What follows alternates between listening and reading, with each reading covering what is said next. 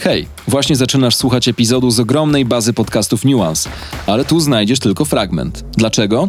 Bo całość jest dostępna wyłącznie dla członków Nuance Clubu, czyli miejsca z nieograniczonym dostępem do podcastów, artykułów, materiałów wideo, wydarzeń i społeczności Nuance, najprężniejszego, niezależnego medium w Polsce. Wejdź na Nuance Club i dołącz do klubu zorientowanych. Nuance Radio. Ja nazywam się Wiktoria Jędroszkowiak i to jest e, audycja Klimat. E, audycja, w której e, rozmawiamy na antenie Nuance Radio o klimacie własnej i o wszystkim, co, co wokół niego. A dzisiaj moją gościnią jest profesora Ewa Binczyk. Profesora Ewa Binczyk, która jest filozofką i osobą, która zajmuje się kryzysem klimatycznym od takiej strony, która nie jest najbardziej popularną stroną zajmowania się, się kryzysem klimatycznym, bo jest zupełnie nietechniczna, jest bardzo o tym, co, co tak naprawdę e, ze sobą ten kryzys niesie i czego, czego jest objawem. E, I o tym, mam nadzieję, dzisiaj porozmawiamy z, z panią profesor. Dzień dobry. Dzień dobry, witam serdecznie. Dziękuję pani Wiktorio za zaproszenie. Jest mi bardzo miło. Ja jestem Wiktorią też. Nie chciałabym. To jest taka audycja, w której staram się bardzo mówić tak do osób, które też słuchają tego radia, czyli do osób, które są, są w dużej mierze w moim wieku i które e, mam nadzieję, że przychodzą i słuchają tej audycji, żeby dowiedzieć się więcej rzeczy, ale żeby też czuły, że e, to jest takie miejsce, w którym jest e, po prostu na maksa przyjaźnie i zupełnie nie jest e, sztywno, jak to bywa czasami w mediach. E, Super, też... rozumiem, dobrze, przejdźmy na ty. Ja e, jestem Ewa. To teraz z kolei jestem bardzo kłopotana, ale, ale dobrze. E, jestem tutaj, jestem tutaj dlatego, że, e, że działam dla klimatu i, i to jest jakiś taki e, prymat tej, tej audycji, gdzie ja staram się być bardziej aktywistką niż dziennikarką, bo bardzo mi do tego daleko. I ja mam kilka takich momentów w swoim działaniu dla klimatu, które były dla mnie jakieś takie graniczne, powiedzmy. I jednym z tych momentów jest zrozumienie wielowymiarowości kryzysu klimatycznego. I to zadziało się w takim momencie, w którym też czytałam pani książkę, e, czytałam twoją książkę, czytałam książkę Epoka Człowieka, e, książkę, mhm. która na maksa pokazuje to, e, przede wszystkim wprowadza takie pojęcie, którego ja wcześniej nie znałam, czyli antropocen, o który zaraz zapytam, ale też ona bardzo dekonstruuje kryzys klimatyczny i pokazuje nam jego taką ludzką twarz. I ta twarz nie jest ładną twarzą. I właśnie zaczynając, chciałabym spytać o ten antropocen i chciałabym spytać o to, co on właściwie oznacza, czym on jest E, jak się objawia w, tym, w tej naszej rzeczywistości? Ja myślę, że możemy powiedzieć, że w ogóle takie potężne ryzyko destabilizacji wszystkich systemów planetarnych to jest taka wszechogarniająca scena naszego myślenia w XXI wieku. To definiuje, kim będzie ludzkość, kim okaże się ludzkość w XXI wieku.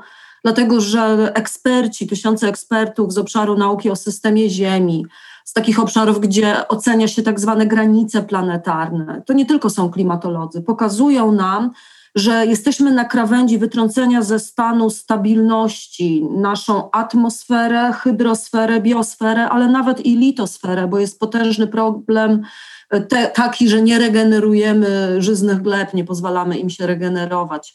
To wszystko zbiorczo możemy nazwać takim wielkim wyzwaniem planetarnym, tak, to zagrożona jest planeta i życie, które znamy, życie epoki Holocenu. I dlatego w debacie przyrodoznawców około roku 2000, czyli już 21 lat temu, pojawiła się ta propozycja, żeby mówić o epoce człowieka. Epoce, którą tak definiujemy, że to są czasy, kiedy my na tyle in, ingerujemy w systemy planetarne, skala naszej działalności jest tak, tak ogromna, że życie epoki Holocenu może tego nie wytrzymać. Tak? Stawką w grze jest znane nam życie, nasze rolnictwo, nasze systemy ubezpieczeń i tak naprawdę chodzi o zachowanie ładu cywilizacyjnego tego, który znamy pod koniec tego stulecia. I teraz zmiana klimatyczna, chociaż dzisiaj częściej się mówi o katastrofie klimatycznej, nagłej katastrofie klimatycznej, jest taką twarzą tego problemu, to to jest sprzężona sieć wielu wielkich wyzwań dla naszego środowiska. Po prostu nasze gospodarki, zasobożerność, paliwożerność nie uwzględnia tego, że za bardzo eksploatujemy systemy ziemi. No właśnie, wspomniała Pani o gospodarkach i ja e, mam też tak, że szukając e, e, powodów, dla których miałabym jednak się cieszyć i szukać gdzieś tam powiedzmy plusów, ale też takich rozwiązań kryzysu klimatycznego i tych wszystkich innych kryzysów, o których też będziemy mówiły, mam nadzieję, w tej dzisiejszej audycji. to jest niesamowicie dużo rozwiązań, które właśnie są o ekonomii, no nie? W sensie one mówią o tym, że to system, w którym żyjemy, odpowiada za kryzys klimatyczny, w którym też żyjemy. I, I my w tym systemie nie możemy trwać, jeśli chcemy ten, ten, ten kryzys klimatyczny rozwiązać, chcemy z nim wygrać. Więc ja zastanawiam się, Dlaczego w takim razie, jeśli to jest jakaś wiedza, która jest dość powszechna wśród osób, które e, tak naprawdę rozumieją, e, na czym polega katastrofa klimatyczna, czy na czym ma, e, ma ona polegać w przyszłości, e, jeśli to jest powszechna wiedza, że to, że to system ekonomiczny za to odpowiada, dlaczego e, te e, wszystkie alternatywne, systemy, które są tworzone, te idee ekonomiczne, które są tworzone, dlaczego one zupełnie nie, nie są brane pod uwagę. W sensie one są spychane gdzieś tam e, na margines i, i, nie mówi się o nich w takim mainstreamowym, powszechnym sposobie, e, jak mówi się, e, nie wiem, o zielonym kapitalizmie na przykład. Tak, rozumiem. No ja w swojej książce piszę o czymś takim jak taka obezwładniająca nas struktura marazmu, tak? My tkwimy z wielu różnych powodów w pewnej fazie wyparcia tego problemu w fazie niesłuchania ekspertów, którzy stają się coraz bardziej sfrustrowani, odwracania się od ekspertów naukowych, od ekspertyz naukowych.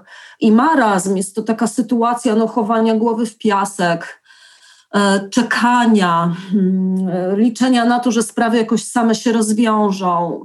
Mówi się, że mamy oczy szeroko zamknięte na te problemy. Tak pisze na przykład Bruno Latour, jeden z bardzo znanych socjologów w tej chwili. Więc marazm jest to taka struktura, w której nie, rozpozna, nie dopuszczamy tej wiedzy naukowej jeszcze do decydentów i do polityków, oni nie biorą tego na poważnie, więc nie rozpoznajemy niejako powagi sytuacji.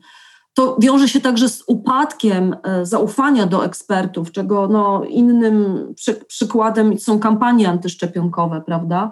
I w fazie marazmu, nie dopuszczając wiedzy i faktów do naszej świadomości, my po prostu tkwimy w bierności, nie działamy. To jest taka epoka, ja to nazywam, mówię o impasie klimatycznym, o tym, że tkwimy w jakiejś takiej nieudolności, jeżeli chodzi o wprowadzanie skutecznych polityk prośrodowiskowych i proklimatycznych. No przecież ludzkość ma wiedzę o powadze problemu globalnego ocieplenia czy destabilizacji klimatu od lat 50. XX wieku. Straciliśmy 70 lat na to, żeby wypierać ten problem, żeby udawać, że go nie ma, żeby się od niego odwracać. Niektórzy aktorzy, co było w ich interesie, duże pieniądze zapłacili też za to, żeby podtrzymywać to wyparcie e, pod, pośród opinii publicznej. Uważam, że powinni zostać oni pociągnięci do odpowiedzialności. No i teraz Pani pyta, dlaczego tak długo w tym tkwiliśmy, ponieważ to jest niebywałe wyzwanie zdekarbonizować cały świat, tak? Zastosować wystudzenie wzrostu i odejście od hiperkonsumpcji do wszystkich gospodarek na świecie. Wiele osób uważa, że ludzkość, diagnostów współczesności pisze o tym, że nigdy wcześniej ludzkość nie stała przed takim wyzwaniem, bo my mówimy tutaj w tej chwili o ryzyku no, pewnego ekobójstwa ludzkości pod koniec XXI wieku. Mówimy o tym, że w toku najbliższych dekad sprawy mogą potoczyć się tak niefortunnie, że nie będzie pod, można podtrzymywać ani rolnictwa, ani zorganizowanego ładu społecznego, bezpiecznego z prawami człowieka, który znamy że czeka nas być może jakaś epoka uchodźców klimatycznych, barbarzyństwa i upadku cywilizacji, tak? I wobec tego marazmu to nie jest tak, że przebija, to, to, widzimy w Polsce, w mojej ocenie w Polsce do debaty publicznej sprawa tak naprawdę przebiła się w toku ostatnich trzech lat. Nie było mowy, nawet na marginesach, zbyt wiele o tym, że to jest w ogóle poważne wyzwanie.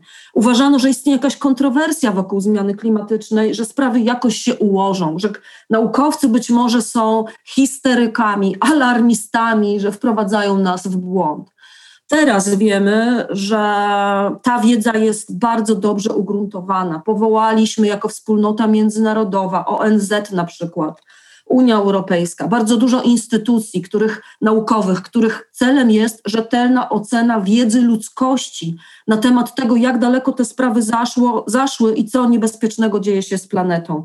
Więc marazm jakby utracił jedną ze swoich nóg, tę wiedzę posiadamy, tak, jedną ze swoich podpór. Tyle tylko, że po prostu decydenci i politycy nie słuchają jeszcze ekspertów i nie słuchają też obywateli, bo proszę Państwa, obywatele na przykład Unii Europejskiej czy nawet Polski uważają ryzyko zmiany klimatycznej za bardzo poważny problem.